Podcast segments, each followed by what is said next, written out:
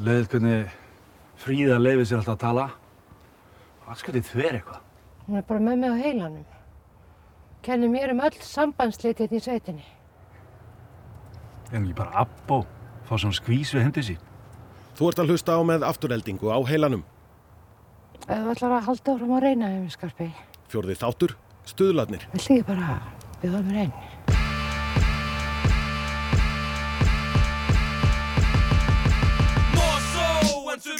Kalla það pizzabæ Þetta var dans sko og, og hann var alveg æður áður en var ítt á rekk og sett á 100 km hraða í handbólta. e ef það að framfylgja þessu þá ætti ég að setja hundruði leikmanna í bann Skarpiðin býður Elinborgu dóttur sinni og fjölskyldu í vöflukaffi. Brynja er staðráðin í að sanna sig. Afturhelding mætir Óðense í Evrópudeldinni. Skarpiðin gefur Henry upplýsingar um byrjunarliðið. Og svo er parti á eftir.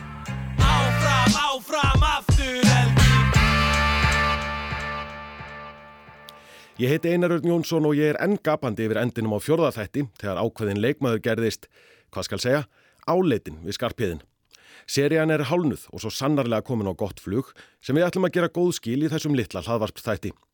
Í setni hluta þáttarins tökum við Jakob Ingimundarsson tökum hann þáttana tali en fyrst ræða Gunnar Birgisson og Edda Sif Pálsdóttir við Dada Lagstall.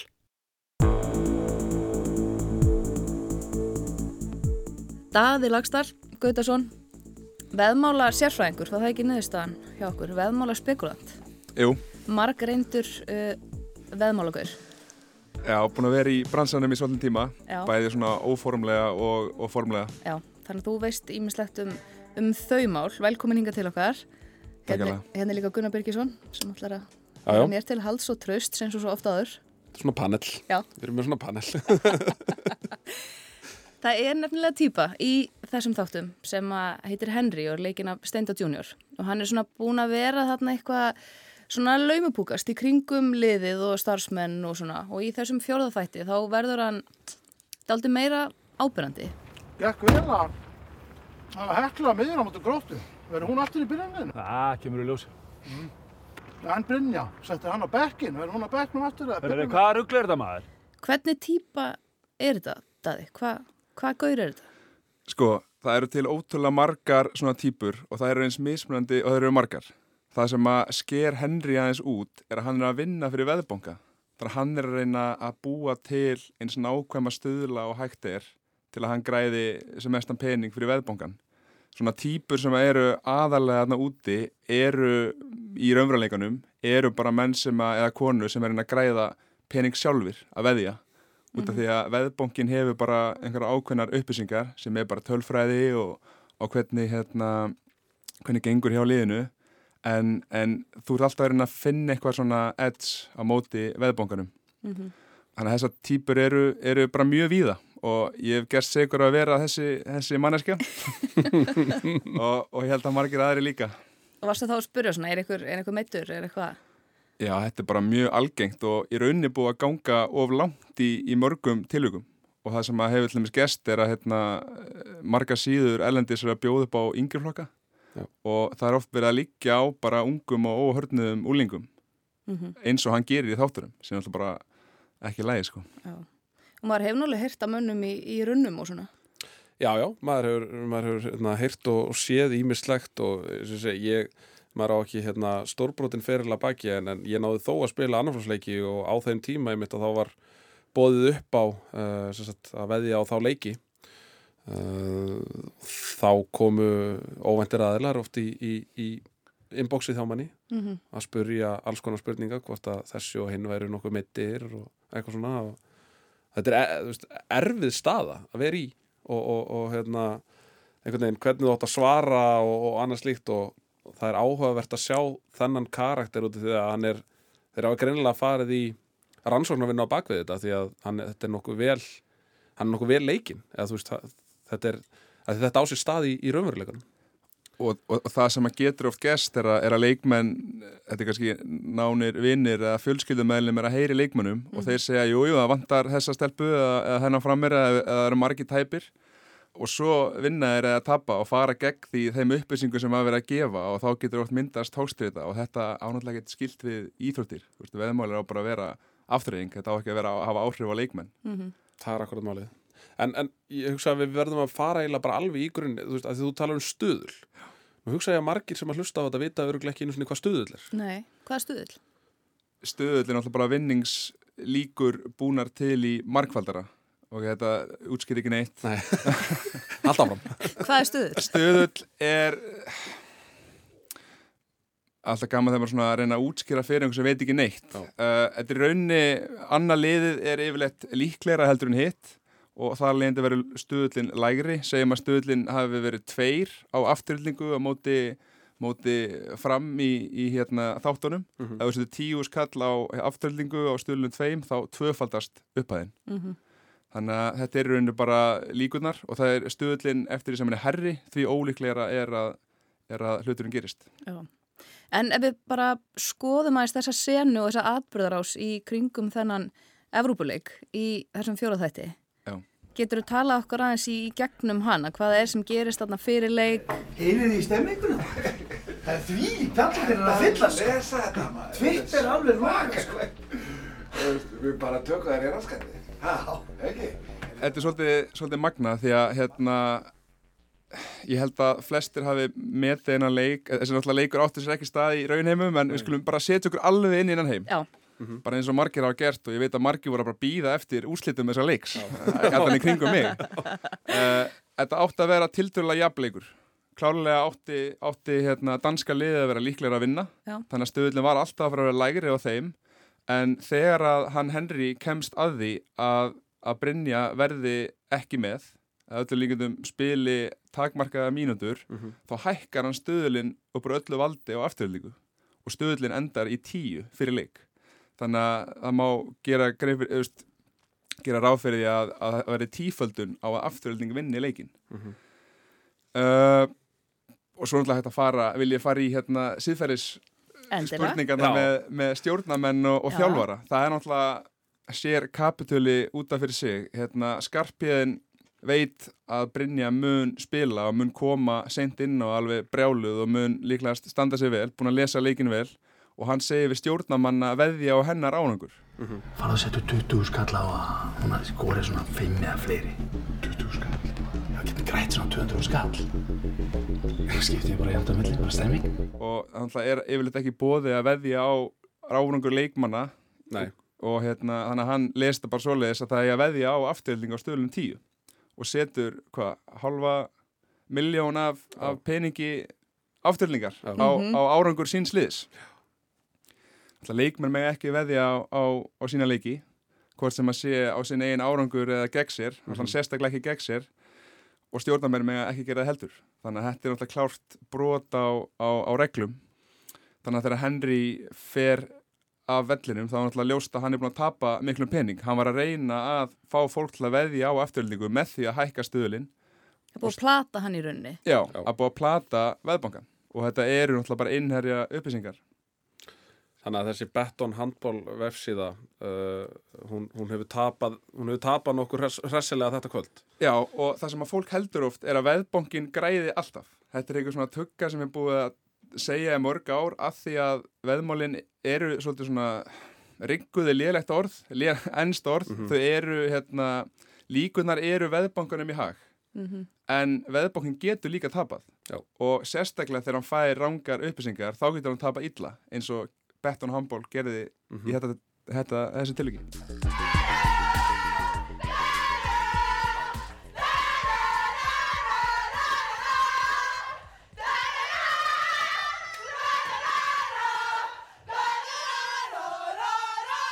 Það er víða pottur brotin í þessu. Það er annars vegar hvernig þeir haga sér, þess að þjálfari og stjórnamaður og svo sömu leiðis þessi Betton handball vefsíða, þetta er á gráu svæði allt saman einhvern veginn.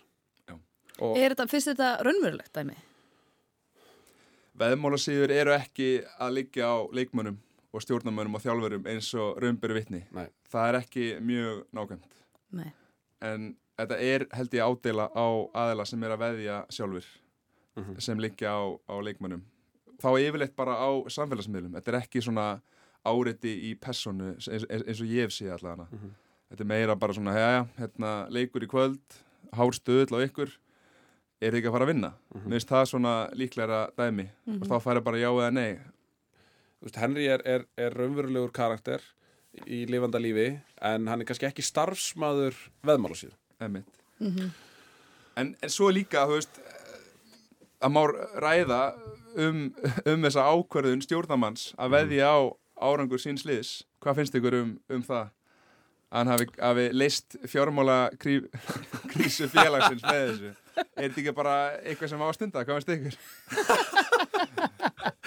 Sko, þetta eru náttúrulega menn sem að vita oftar en ekki meira kannski heldur en flest allir aðrir Mhm. og í þessu tilviki náttúrulega vita þeir að, að Brynja mun koma inn í, í setni áleika eða einhverju tímubúti í leiknum og eins og þú segir, standa sér vel ég ætla nú rétt að vona að þetta eigi sér enga, enga stóð í raunveruleikanum að, að þetta sé svona en það, er svona smá það, er smá ókvikjandi tilhugsun enga síður, þegar, þegar hann fer tilbaka síðan og, og hérna, rífræsar heimabankan og sér þessar upphæðir hann að detta inn. Á einhverjum tímubúti hlýtur einhvern veginn siðferðiskendin bara að þú störtar henni búin um gluggan Mhm. þú veist, þú ert bara einhvern veginn að bjarga klúbnum og eins og þessi karakter AC er þá bara gerir hann allt til þess að láta dæmið ganga upp Og hlátuskastið saði manni það daldið sko Já. að þetta var ekki uh, í síðasta skipti held ég sem að þetta gerist. Svífst einskis. Það er bara svífst einskis. Þú veist það er bara alveg sama hvað er í gangi. Líka, þú segir þetta sé líklega ekki síðast skiptið því ég sammála því og hérna prófum að, að snúa þessu við. Þau tapa leiknum. Hvernig er, er dæmið þá?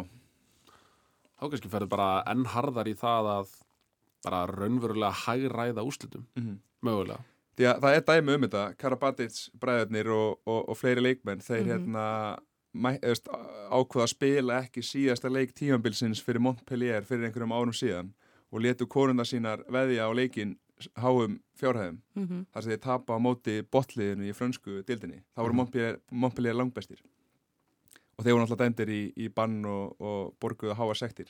Þannig að eru, þetta er mjög raunverulegt og þetta getur alveg gest og, og vist sérstaklega í handbólta. Þannig að það er áhugavert að þessi að taka þetta fram. Það eru marga sögursagnir um veðmálusvindl í handbólta. En haldið að þessi dæmi séu ekki svona víti til varnar, þú veist, er það ekki allra hagur að þetta sé ekki svona, eða skilur bæði að því að þú bara getur fengið þetta í baki, skilur líka væntalega veðmálufyrirtækin Jú. þegar að ef að íþróttamenn er ekki heilir. Mér finnst bara að, að hérna, veðmál eiga ekki heima í leiknum eða leikmenn og aðstandendur eiga ekki að vera að veðja á sinna eigin leiki. Mér finnst það bara ekki að eiga neitt skilt við íþróttir og, og drengskap. Mhm. Því þetta á bara að vera afturreying fyrir í rauninni áhrafandan sem að veit ekkert meira um leikin og hefur ekki áhrif á leikin. Þú veit alls ekki geta haft áhrif á veðmálið, hvorki með að gegn því. og einmitt af því að við erum að ræða handbolta þá náttúrulega er töluvert auðveldara í íþróttum eins og handbolta, körfubolta sem eru færri leikmennun á vellinum að þá skiptir hver og einn einstaklingur sem að mögulega er inn on it eða þú veist sem er með í einhvern veginn pakkanum að þá skiptir það kannski meira máli heldur en í 11 manna fótboltalið eða eitthvað svoleiðis Og líka það sem að dómarinn hefur stórt hlutverk. Akkurat. Man har hórt á fótboltaleika sem dómarinn flauta valla í flautina en svo mætir á handbolta eða köruboltaleik og hann er bara að flauta allan Mhm. tíman og þetta er svo margar ákvarðinir. Þess vegna hafa þeir oft leið undir grun þegar að óvænt úslit gerast eða að það er mikil virkni á, á ákveðnum leikjum. Það verður að veðja óveðilega mikið á ákveði lið eða ákveðina niðurstöð. og, og það sem að náttúrulega eins og í handbolta náttúrulega dómarar hafa það er oft þetta huglega mat Mhm. á, á, á ýmsum hlutum Já. þú veist ruðningur, Mhm. þú veist hérna, einhvern veginn leiktöf þú Já. veist, og allt eitthvað svona, þú veist þetta er svo mikið huglegt mat Er mikið uh, verið að veðja á bara í íslenskum handbólta? Uh, ég það er bara spurning hvað þú miðar að við. Þetta er alveg vinsæl vara að, að veðja á. Mhm. það sem að, eða bara íslenskar íþróttir almennt og það er þá bara tíma í rauninu bara veðmálasýður vilja hafa íþróttir og veðmál í gangi alltaf. Ég er að finna íslenskt orðið við timezone og bara uh, timezone sem að Tímabelti. tímabeltið Mhm. sem að Ísland er á er bara mjög hendugt fyrir þessa síður af því að við erum akkurat á milli leiktíma í Evrópu og bandaríkunum þannig að það er bara mjög vinsælt að hafa sem flestar íslenskar greinar inn á þessum síðum Mhm. hvort sem að sé handbólti, fótbólti, kaurubolti En að því þú talaður um íþróttamennina sjálfa og eitthvað fólk sem tengist liðunum beint. Er, er þetta ekki algengt á Íslandi að íþróttamenn séu sjálfur bara áhuga menn um veðmál og séu að stunda þetta? Jú, ég, allan eins og ég eins og ég, ég skilur þetta og það sem ég hef heyrt en ég þekki það samt ekki hvort að menn sé að veðja á sína eigin leiki. Ég held að það þekkist ekki. En það er það bara bannað og ég held að það sé komið í flesta samninga allan hjá KSI ég, ég þekki ekki alveg hvort það sé hjá HSI en mér finnst eðlilegt að það sé bannað að þú sért ekki að veðja allan að algjört lámark að veðja eitthvað sína eigin leiki og helst ekki á sína eigin deild þar sem að þú þekki kannski einhver sem mittist í síðasta leik eða eitthvað svoleiðis. Mhm. Mér finnst það eigi að vera algjört lámark. En íþróttamenn eru klálega mikið að veðja. Mhm. En þá er það yfirleitt á eitthvað enska boltan eða eitthvað svoleiðis sem að þeir einmitt þekkja síður og, og gera bara sem á þeir engu sko. Já. En af hverju skiptir alltaf máli hvort að þetta er á þitt eigilið eða bara almennt? Ég held að sé þessi siðferðist þröskuldur sem þú ferði yfir með að hafa áhrif á leikin. Í, ímyndaði bara að þú ert að spila leik út af því að þið finnst það skemmtilegt og þú ert að reyna að ná einhverjum ánangri en svo ertu búin að veðja 20.000 krónum á að þú vinni leikin.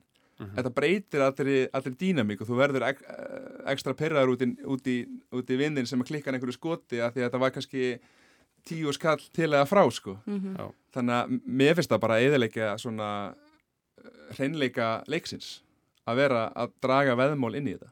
að því að svo náttúrulega ef við snúum þessu uh, svona alveg við að þá náttúrulega er það líka algengt dæmi að, sem sagt, að leikmunum sé bóðin peningur fyrir það að hægraða leikum. Þá er það bara utanakomandi þriðjaðili sem er þá að veðja á þetta, sem að býður einhverjum pening fyrir það að standa sig illa í leiknum. Það er sömulegði sögu sem maður hefur heyrt. Já, það var líka Netflix þáttur þar sem að farið yfir hérna leikmann í körubólta hérna í hérna háskólaboltanum í körubólta Já. og hann þurfti ekki að tapa leikum. Hann mátti bara ekki vinna þá of stórt. Mm Þannig að þú veist, það er allt hægt í þessu og, og, og þetta ekkert skilt við íþróttir, finnst mér. En nú er eitt leikmaður, fyrsti íslenski leikmaður sem fer í bann uh, fyrir veðmál. Hann spilaði reyndar einmitt með afturheldingu, Mhm. uh, Sigurður Gísli. Uh, hann var dæmdur í áspann frá fótbolta núna í januar. Haldið að það sé eh, meira á leiðinni eða hva, hvað finnst ykkur um þetta? Þetta er náttúrulega bara mjög skrítið mál Já. og bara fordæmalust algjört en þetta, þetta bann er náttúrulega fordæmis gefandi. Mhm. Pinnakul veðmála síðan, stór síða út í heimi, það að hún heyri í KSI að fyrrabræði er náttúrulega ótrúlegt Já. og bara ég hef aldrei heyrt um svona. Er það brot á persónuvendarlögum eða er það skilda veðmálusíðunar eða er það bara, eða er þetta bara alveg það galið að þetta tengist hvoruðu því? Þetta er grátt svæði. Já. Veðmálasíður hafa tilkynningaskildu þegar það er verið að brjóta samninga og hérna það að Sigurður Gísli Bond hafi verið að veðja á fótbolta er allt í lagi Mhm. en hann hefur með þess að sagt það ofnbella í, í hlaðvarpi að að hann hefði átt að sleppa að veðja á sína eiginleiki en það voru samt jákvæð veðmál við höfum aðeins verið að ræða þessa siðferðislínu þetta hafi verið jákvæð veðmál hann hefur aldrei verið að veðja á móti sínu liði hann hefur aldrei verið bara eitthvað "Heyrðu, ég ætla ekki að spila vörn af því að ég er búin að veðja á, á hitt liði en hérna Í dómnum þarna frá Kási er talað um fimm leiki hjá sínu eigin liði og uh, hann tók þátt sjálfur í fjórum þeirra. Já, og hann veðjaði alltaf á jákvæð veðmól? Já. En það sem er svakalegt við þetta er að, er að það, eins og við rættum á það, það eru leikmenn sem að hafa verið að veðja á sinna eigin dildir og mjög líklega sinna eigin leiki. Þannig að það gætu verið bara mjög margir aðri leikmenn sem munu þurfa að vera dæmdir í, í árspann frá fókbalta. Þannig að þetta er mjög svona, eins og segir, mjög fordæmi skifandi og ég hugsa að það hafi margir alveg svona einhvern veginn það kuld- kaldur sviti niður bakið á einhverjum allavega þegar þeir lásu þennan dóm af því að ég held að, ég held að þetta hafi verið svona kannski þetta var svona eina af harðari refsingunum það var nú einhverjum sem að vildi að hann færi í eiliða bann frá fótbolta en ég held að þetta hafi verið svona ein harðasta refsingin sem að KSI gætt gefið frá sér ég er sammála því. Það stendur í, bara ef ég les hérna aðeins, það stendur sér að í reglugjör Kási segi skýrt að þeim sem taki þátt í leikjum á vegum sambandsins er óheimilt að taka þátt í veðmálustar sem er með beinum eða óbeinum hætti í tengslu við eiginleiki og eiginmót. Því til viðbútar er öllum fótboltamönnum sem samningsbundnir eru íslenskum liðum samkvæmt staðal samningi KSI eins og Sigur Gísli var óheimilt að veðja á leiki í íslenska boltanum. E ef það á framfylgja þessu þá ætti ég að setja hundruði leikmanna í bann. Já. Ég ætla bara að segja það umbelega. En hvernig er eins og, er erfiðara eins og, nú tölum við bara um Karabatisbræðunar aðan og við erum kannski að tala um mál þar sem að hefur actually fallið dómur í málunu. Uh, er erfiðara, ég meina eðlilega, það hlýtur að vera erfiðara að rekja þegar að aðstanduður leikmanna, vinir leikmanna, uh, þú veist, þetta er auðvitað Karabatisbræðunar að veðja, þeir eru að veðja í gegnum konuna sinnar. Já. Er það ólulegt líka? Ég held bara í akkurát þessu tilviki þá er svo auðvelt að sjá þegar að það eru óeðlileg velta á leikin. Mm -hmm. Akkur ættur að veðja á botliðið á móti Montpellier og þú svo verður að skoða hverju þetta er og þá er þetta konur leikmanna. Þá er þetta bara sjúklega augljós. Þannig að þú veist, svona eftir á að higgja hefur kannski átt að heyra einhverjum frenda eða eitthvað álíka en þeir hafa viljað hafa þetta í, í, í litlum hring. Mm -hmm. En það er erfitt að, að sanna þetta í hérna sönnabinnin er, er klála erfið. En það verðist nú líka vera svona mismikið umbröðlendi. Það voru hann einhverju gæðir í NFL núna í april sem voru bara reknir úr íþróttinu bara að eilífu. Sko fyrir það eitt að sko veðja, það er náttúrulega mjög, mjög uh, drastískar reglur í NFL-inu en fyrir það eitt að veðja bara á meðan þeir voru á æfingasvæðinu. Mm -hmm. Þá er þeir að veðja á háskólabólta. Þeir sjálfur í NFL. En þeir voru á svæðinu. En þeir voru á svæðinu og það var bara nóg til dæmis bara eins og regluverki hér heima setur fram á að þetta muni breytast eitthvað á næsta árum er hægt að beisla þetta eitthvað? Nei, uh, já og nei já. það er til svona stutt og, og, og langt svar ég er þeirra skoðunar að, að þetta er smá svona vilda vestri með veðmál á Íslandi. Það er svona, það er lift erlendar veðmálasýður en það er ekkert verið að beisla þær. Svo ertu með lingjuna og lotto og, og þessar íslensku síður uh, sem að eru ekki heldur með voðalega svona hérna, stífan lagarama það hefur verið að segja settu spennu í leikin og, og alls konar svona hluti sem að væru bannaðir erlendis. Mm -hmm. lengjan er á öllum, öllum landsinslimis og hérna breska hérna, knallspytu sambandið var allir með að banna auglýsingar framar og treyjum því það er bara ómikið sínilegi og ég, ég fagna svoleiðis út af því að hérna það er engin hérna, forvörn fyrir veðmál á Íslandi, það er engin mentun, þetta er smá svona tabú ennþá, mm -hmm. það er svona að við alltaf verðum að reyna bara að hafa þetta svona on the low og, mm -hmm. og, og vona að þetta fari, en, en ég myndi segja að þetta sé ákveði trend sem er að vaksa veðmál. Og ég myndi alltaf að vilja taka einhver skref svona forvarnar skref í þessu. Ég meina, næst eftir að deilt Karla og hvernig meginn held ég líka heitir náttúrulega eftir veðmálafyrirtæki Emitt En hérna Það snýst þetta ekki líka um hvað penningur að skilja sér sko aftur í hreyfinguna? Jú, lengjan er náttúrulega góðgerðar samtök og lengjan og Íslingar geturnir mm -hmm. þetta fer allt beint aftur í, í félagin mm -hmm. en, en það eru ég þekki ekki marga sem er að nýta sér þeirra þjónustu. Allan að vini mínir og, og svona mitt næsta fólk er annar staðar þannig ég myndi allan að vilja fá þann penning penning til landsins gegn því að það væri hérna, innan einhvers lagarama og vil ekki hljóma svo pólitíkus en hafa hérna hugsa um stóru hildarmyndina Já, í já. þessu Já, já. hildarend plan En þú veist bara eins og bara sjónvarpin, eða bara sjónvarsréttirnir, Já, þú starfst í raun að borga fyrir afnót af deildinni Já. og getur svo hagnast á henni, en einhvern veginn veðmálufyrirtækin eru náttúrulega að hagnast á deildinni en borga ekki til það.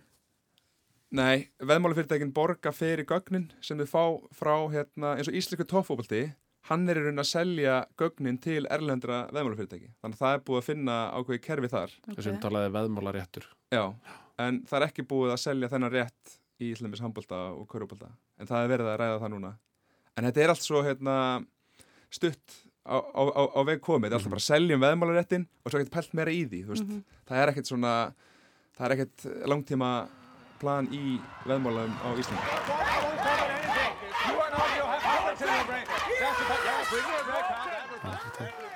Eru það ekki bara nokkuð góð? Eitthvað fleira? Það hefði ég haldið, nei, bara Munir þetta draga dilko eftir sig, hvað haldið það muni gerast? Með, heldur hann tilkynni að, að afturölding hafi grætt á þessum veðmálum? Það hlýtur að vera eitthvað meira þessu. Já, ég held að þetta muni, þú veist man, mann líður alltaf eins og eisi sé því miður að fara að fá eitthvað í bakið Já, aðeins að, að vita nokkuð um það þá, þá hérna, en ég meina menn fá líka alltaf svona í bæki þú kemst rosalega sjaldan upp með það að græða einhverja sturlaðar fjárhæðir og bara einhvern veginn no questions asked eða þú veist Við tölum líka um það að hérna, hefði ekki verið betra fyrir Karabatis að veðja undir öðru nafni. Mhm. hann, hann var nú bara að veðja undir sko, stjórn afturöldingar. Einmitt. Þannig að það var ekki beint að, að feila þetta sko. Þannig að ef ég ætti að, að, að veðja á það þá held ég að hann muni lenda í, í vesenu með þetta. Já. Heyri, takk fyrir að koma til okkar daði og fræða okkur um þessi flóknum mál. Já, takk fyrir á mig. Edda Sif og Gunnar rættu við Daða Lagstall. Þá fyrir við beint yfir í spjall mitt, Einars Arnar Jónssonar við Jakob Ingimundarsson, tökumann þáttana. Jakob, eh, gaman að þú skildir geta gefið tíma til að, ræða þessi mál aðeins, aðeins við okkur. Byrjum bara á, á algjörlega á byrjunni. Hvenar og hvernig komst þú inn í þetta verkefni allt saman? Það er náttúrulega svolítið stund síðan. Þetta verkefni er búið að gerjast í, í svolítið mörg ár. Uh, Alltaf sé ekki, það hefur verið um haustið 2018 sem að ég fekk hérna mail frá framleiðanda hjá Zigzag og var sem sagt, uh, já, var, þá var ég bara á Ítali og var að taka upp einhverja serið þar. Og þá fekk ég eitthvað mail með fyrirspurnum hvort ég var ekki til að kíkja þess á, á þetta verkefni og þessi handvilt og þessi handbóltaserju, afturhaldningu og hérna Jú, jú, ég bara sjálfsögðu og ég var búinn að vera mikill búinn að vera aðdáðandi Hatta, Hatta Gunnar leikstjóra og fylgjast með honum í okkur ár þannig að ég var bara mjög spennt fyrir þessu þannig að ég bara las þetta þá sem sagt fyrir tæpum fimm ára síðan og las þetta bara í einum rikk þetta var náttúrulega svo fanta vel skrifað og skemmtilegt þannig að ég ætla bara að lesa þetta bara sveimi það bara á einu kvöldi þess að átta þætti og þannig kom þetta til og þá voru þeir að fara að gera eitthvað teaser og eitthvað svona og ég nú ekki verið með í því en, en fannst þetta satt mjög spennandi. Og þannig, þannig byrjaði þetta og síðan var bara löng þögn í tvö, þrjú ár og síðan einhvern tíðan svona um mitt inn í miðju COVID þá kom þetta upp aftur. Þeir sem voru að reyna að samna pening fyrir þessu svona og það gekk brjósulega eins og hefur komið fram hjá okkur hérna í hlaðvarpinu áður og hérna þeir eru búin að fara í gjörnum hjá okkur hvernig þetta var, þetta var náttúrulega þjált ferli, þetta er erfitt náttúrulega að fjármagna þetta og þannig bara gerast og þá var ég komin inn í þetta aftur og var eitthvað að hjálpa til, hafði þá ekki tíma að gera þetta þeir alltaf að fara í gang fyrir tveimur ára síðan. Og þá hefði ég reyndar ekki tíma en síðan hérna kom þetta bara upp núna í fyrra í bara á vormánuðum. Þá var allt í hennu allt komið í gang aftur og Rúf komið inn í þetta og komið svona, já svona na- næstu því grænt ljósa þetta og þá bara stökk ég til var, var með tíma til, að til að kasta mér í þetta. Og var þá Og- mikið búið að breytast í, í millitíðinni frá því að þú last handriti fyrst og, og svona þangað til þetta fór, eða boltinn fór svona að að rúla af alvöru? Nei, það var ekki, nei, jú, jú, auðvitað eitthvað aðeins. Það var, það var meira svona, það var meira svona glæpablott í þessu fyrst í rasta. Um, og það sem sagt, uh, held ég bara til eins betra, var, var ekki, ekki lengur þegar ég, uh, núna í síðasta drafti, þegar við vorum, uh, en, en, en samt svolítið að karakterinn manni að þá, eins og, eins og eftir að koma í ljós og þetta var orðið meira dýbra sko, þetta var orðið miklu dýbra og meiri juicy karakterar og Brynju karakterinu var búin að stækka og bara komin svona á svipað level eins og karakter uh, Skarpjæðis og þetta var orðið miklu, miklu dýbri, dýbri persónu bara, það eru orðnað dýbri sko og hérna þetta var orðið miklu meira svona karakterdrama. Uh, algjörlega til eins betra finnst mér aðeins minni handbólti, ég minnir að minnir að vera aðeins meiri handbólti, svona meiri svona leikir og svona. En samt, þetta var, þetta var bara orðið bara betra og betra og, og ekki var það slæmt fyrir og, og, og þetta var bara það gott handrið sko sem ég fekk hérna í fyrra að ég bara, það var ekki hægt að segja nei við því sko. Það var bara að kasta sig með sko, þetta, þetta var geggjað sko. Komum aðeins að, að sjálfum handbóltalhutanum aðeins á eftir. Segð mér aðeins svona frá, frá því hvernig þú sem, sem kvikmyndatökumadur svona, hvert er þitt ferli þegar þú færð handrit í hendurnar, hvað byrjar þú að hugsa? Hverju ferð þú að velta fyrir þér þegar þú ert að lesa og skoða, skoða handrit af svona serju? Uh, það bara sem kvimtökum maður þá ég horfi bara á þetta eins og kvimtar, kvimtar gerðmaður sko. ég eh, er fyrst og fremst bara kvimtar og, og hérna er sem sagt að segja sögu og það er bara handriti, það er ekki þannig að ég fell fyrir einhverju, ég fer ekki að hugsa um einhverjar tökur eða hvernig að skjóta þetta, jú, auðvitað, svona ómeðvita gerir maður það, en veist, þetta er fyrst og fremst bara sagan og, og, og kannski flæðið í sögunu og stemningin og ég byrja svona þar, ég byrja svona að hugsa um bara stemningun í þessu og, og hvernig hérna, hvernig heimur þetta er sem þetta fólk er að hræðrast í og þessi karakterar. Og það er svona það fyrsta sko. Og fyrsta sem að gera er svona eiginlega, ég vinn voðalega mikið þannig bara fyrir eftir stemningu, ég ger náttúrulega ótrúlega mismunandi hluti og mér finnst það mjög gaman, ég gerir það svona viljandi. Taka af mér svona áskoranir sem ég hef ekki verið áður og, og, og þetta, þetta var það vel skrifað, þetta lág mjög mikið bara í kortónum hvernig, hvernig maður myndi útfæri það sko og, og ég á hætti vorum ótrúlega sammála bara um flest allt bara frá byrjun sko. Nú svona fyrir, fyrir okkur sem kannski þekkjum þennan heim minna, hversu mikið vinnur þú síðan með leikstjórnum bæði, já sama hver leikstjórn er og svo handritsögundunum svona áðurina í raunni er ítt á upptöku í fyrsta skipti. Hvað eru þið búin að fara í gegnum áðurina í raunni þú ferð að horfa í gegnum Viewfinderinn og, og skjóta seríuna? Við erum náttúrulega búin að bara byrjum náttúrulega kannski á því þetta er náttúrulega svona til mismunandi eftir leiksturum og handlistöfundum og, og hérna og handlistöfundir í þessu stöðu er náttúrulega hætti sjálfur og, og þeir og það var náttúrulega ótrúlega gott að vera með þá og Dóra líka, þeir voru náttúrulega setti líka allan tíma en, en, en ég náttúrulega held mig bara við hatta sko þannig að þetta verði ekki, ekki á flókið í byrjun og það er sennilega þetta er, í þessu tilfelli þá var þetta bara að tala sérst um stemninguna það sem ég var að segja þannig bara um flæðið í þessu og um stemninguna sem við vildum fá fram í kringum hennar karakter og hvernig við nálgumst hann skarpiðin fyrst og fremst og, og, og síðan, síðan hérna sko. Og, og bara hvernig við förum, hvernig við nálgumst hann í byrjun og hvernig ferðarlega þetta hvernig ferðarlega fer að stað sko. Og þá gera svona gerist restinu svona svolítið að sjálfu sér sko. og þá fer maður að horfa kannski á einhverjar viðmiðanir úr öðrum bíómyndum eða serjum og eitthvað bara til að hafa eitthvað miða við í, í samtalenu og gröflinu hjá hverjum öðrum sko. og, og síðan hérna fyrir við, erum við komnir í, í þess að hún er að finna svona nokkurnu í stíl sem við ætlum að leggja okkur á og síðan byrjum við bara á síðu eitt sko og förum í gegnum handritið saman sko.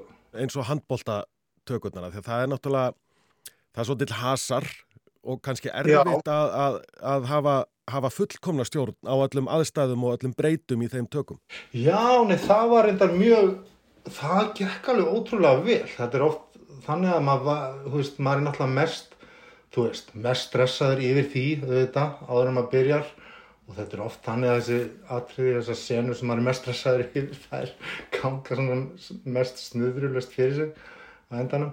En já, ég verð náttúrulega að nefna það náttúrulega ég er uh, við erum tveir tökuminn á þessu Ás, Áskunni Guðbjörnsson er hinn tökumarinn en ég er í svona leiðandi kannski tökumanna hlutverki því að það er, það er náttúrulega erfitt að, að vera með tvo í öllu þessu ferli skilur frá byrjun. Ég tek upp fyrstu 40 pluss dagana af þessu og síðan tekur ásöp rest. Bara svona það, það komið fram og, og, en ég stjó, leiði að, tek þessu samtöl með hatta og í byrjun og alla undirbúrsunna fyrir tökur mestapartin af því og, og legg svona línunar og síðan bara svona það komið fram. En, en það sem var mjög gott í þessu er að Ási og ég og Ási gerðum alla leikina saman líka. Alla handbóltaleikina uh, og síðan þegar ég var búinn með mína 40 dagar tvo þriðju af efninu og hann tekur við og, og það voru tvei leikir eftir þá kem ég síðan aftur tilbaka og, og stjórna bara þeim leikjum sem eru eftir saman með, með honum sko. Og það var mjög þægilegt að við vorum, við vorum tveir sem sagt tökum en að mikið að skipuleika þessa leiki og fara ekki um þessa leiki. En, en já þessi leikir þetta var alltaf, við vorum með geira hana uh, handbólta sérfræðing á kantinum og sem var búinn að skrifa niður þessi kerfi og fara yfir allt hvernig, hvað hann myndi gera? Og þetta var ótrúlega strámt ferli að veist, við gerum þetta og svo gerum við þetta og þetta var svona step by step hvernig við gerðum þetta og við kláruðum sér satt kerfin og að skjóta þau og ákveðum hver kamundar er að standa og síðan tökum við kerfið aftur og tökum næsta setup og þetta var svolítið svona, þurfti að vera svolítið svona, svolítið svona regít ferli í, í, í þessum handbóltatökum og ég náttúrulega Hatti og, og Dóri er náttúrulega gamlega einhverjum handbóltagæjar og ég er það ekki þannig að ég var svona ekki alveg það tók mér svolítið tíma að komast inn í þetta hvernig, þú veist, og þetta er svo hratt þetta er svo hraður leikur sko þetta, er, þetta var náttúrulega svolítið pína. En ég er svona að reyna að útskýra þetta hvernig við gerðum þetta svona best því þetta var náttúrulega ótrúlega trikki stundum.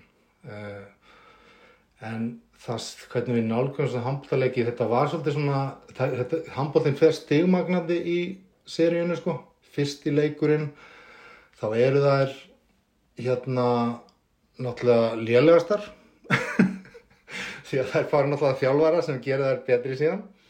Og, og fyrsti hálfleikunum var þá erum við að horfa á þær svona svolítið frá skarpa sjónarhörni ef ég get, ég er svona að reyna að útskýra svona dramatikina í, í þessu líka sko, hvernig við skutum þetta er þá erum við að horfa svolítið á þær frá hans sjónarhörni frá bekknum og förum ekkert svo mikið inn í leikin og síðan kemur til dæmis setni hálfleikurinn þá förum við meira inn í leikin og kemur undir lokin víti og eitthvað svona og þá erum við meira með þeim. Tökum smá slow motion og förum alveg inn á línuna með kameruna og erum að dansa með þeim í, í kringum spilið sko og reynum að fanga þessi moment. Og þetta fer síðan alveg stigmagnast eftir, eftir leikjum þessu þremur leikjum sem eru í seríunni Og þið óttuðist aldrei að fara, fara með þessi að þetta eru, þetta eru sæmilega stór og, og þungt tæki að vera inn í öllu þessu ati sem að getur gert það. Það get alltaf komið óvendir hlutir, einhver missi boltan og þá getur allt, allt orðið, orðið svona aðeins hættulegra fyrir alla. Við, já, við erum ekkert svo mikið að pæli því við tökum en þeir með vélarnar, við náttúrulega passa okkur bara upp á að, að stelpunar slæsir sig ekki sko. Þetta er náttúrulega eins og þú segir, þunga vélar og, og, og við erum að hoppa hann í kringu það. En við æðum þetta mjög vel með, þetta var allt koreografað saman með geira áður og þannig við fórum bara hægt í gegnum þetta hvernig hreyfingarnir eru og þetta var rosalega nákvæmt sko. Það er, þú veist, þessi hleypur þangað, þessi verður þangað, ok, þá kem ég með kameruna þarna á milli. Þetta var alveg þannig og, og, og þá get ég farið þangað og, og þetta, þetta var alveg, þetta var dans sko og, og hann var alveg æður áður en var ítt á rekk og sett á 100 km hraða í handbólta. Þetta var tekið bara rólega í gegn og, og, og og það gekk og þetta gekk alveg fyrðulega snurðulegast fyrir sig sko. Og, og hérna nei, engin slasast, við fengum náttúrulega boltan, ég held að Ási fekk nú eitthvað dúndru í hausun eitthvað tíðan hefði maður vélina og eitthvað svona, en þú veist þetta var ekkit þetta var ekkit hættulegt þannig, þetta var þetta var, það var tekin alveg góð, góði fyrirværi á öllu og, og þetta var æft rólega í gegn og, og síðan var keirt í þetta, þetta var svolítið svona dans. En tökuferli bara svona sem, sem held, eins og segir, 40 dagar sem að þú tók sem ár samt bara innan gæslega bara tveir þriðju af, af dögunum, þetta voru bísna, þetta voru bísna stífar tökur þegar að ferlið fór af stað hjá okkur. Já, það er náttúrulega bara alltaf þannig, ha, er það ekki? þetta er alltaf þannig í þessum verkefnum.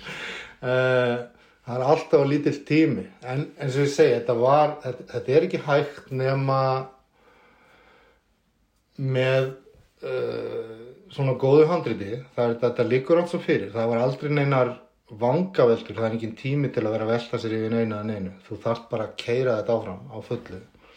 Og sérstaklega þú ert með svona, svona top notch leikara eins og við erum með, þá, þá einhvern veginn gengur þetta upp og einhvern ótrúlegan hátt, þá, þá náum við þessi gegn, en þú veist, allt þarf að ganga alveg snuðrulust fyrir sig allir tíma þetta er alveg já, þetta er ótrúlegt hvernig maður, hvernig það næst á endanum, sko, við erum, og þetta er náttúrulega mjög sérstætt í þessu er í fyrsta skipti sem ég geri, sko, það sem ég er að vinna, þetta eru náttúrulega þrýleikstjórar og við tökum ferðlega þannig að við tökum, sko, location eða stað, stað fyrir stað í þessu tilviki. Þess að við klárum hús Skarpjæðins, við klárum íbúð Brynju í gegnum alla þættina, þegar þú skilur. Þannig að þetta er verið að hoppa fram og tilbaka alveg á miljón. Það er sennilega það sem var erfiðast í þessu. Ég hef komið að tökum og verið í tökum á örgláð svona nánast 20 serjum sko, síðustu árin, sko, síðustu 12 árin og, og ég hef aldrei gert þetta svona áður. Venjulega klárar við þátt og svo ferðu í næsta þátt. Venjulega er þetta þannig. Uh, eins og ég og Ásir erum ekki með neitt heilan þátt, þetta er allt blanda, skilur. Þetta er, uh, venjulega er þetta þannig að þú klárar, klárar fyrsta þátt eða klárar þriða þátt og klárar þennan þátt. Venjulega er þetta þannig, sko. En það var ekki hægt hérna út af, já, tíma og peningum og, og þess vegna gerum við þetta svona og, og þess vegna erum við, og leikstjórarnir voru allir að hoppa inn. þú veist, ég var að díla með þrjá leikstjóra á, á sama degi, sko. Og, og það var sennilega svona, já, það var svolítið snúið. Því að þá ertu að fara að díla við þrjá mismunandi hausa á tíu tíma tímabili. Svo hoppa fram og tilbaka. Því að þú veist, leikstur er eins og ólíkir eins og, já, við tökum erum ólíkir og, og við öll erum ólík. það var svona, það var mjög sérstætt. En það gekk alveg frábælega, sko. Og, og það var bara sérstætt í byrjun, síðan var þetta ekkert mál. Og hverjir eru svo fleiri í, í teiminu með ykkur, ykkur ásætt? Það er vantilega ekki bara tveir að græja, Nei, græja allt sem þarf að græja. Já, já, þetta er, þetta er, þú veist, hellingur af fólki. Uh, við erum náttúrulega með uh, aðstofartökumenn sem eru tveir í þessu tilöki, stundum eru fleiri, það eru tveir, sem sem eru að draga skerpu og, og annar sem er að, er að passa á efnið og að aðstofa sem sagt uh, fyrsta aðstæðar, fyrsti aðstofartökumæður og annar aðstofartökumæður og síðan erum við ljósameistara sem sér um lýsinguna fyrir mig að halda utan um hana og hann er með tvo aðstofamenn uh, stundum bara einn.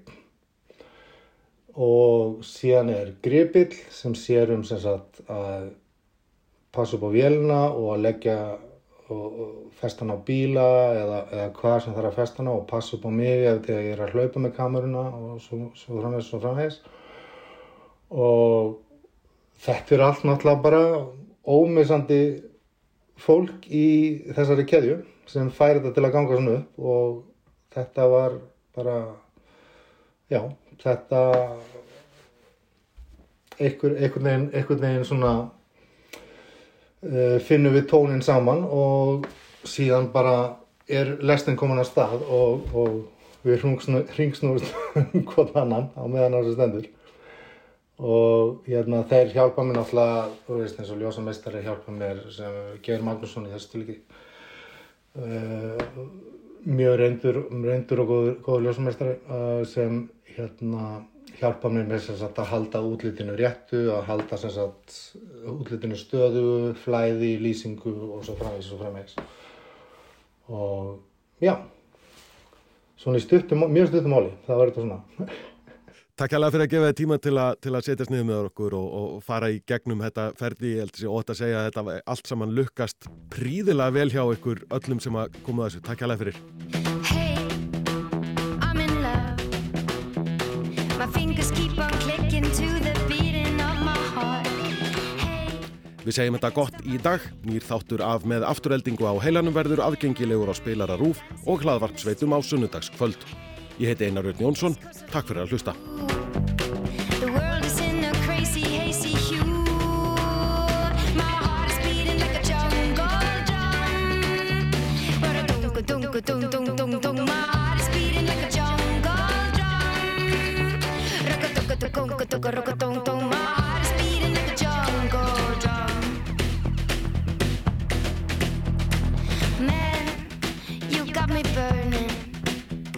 I'm the moment between the striking and the fire. Hey, read my lips. Cause all they say is kiss, kiss, kiss, kiss, kiss. No, it won't ever stop. My hands are in the air, yes, I'm in love. My heart is beating like a jungle drum. Dunka, dunka, dunka, dunka, dunka.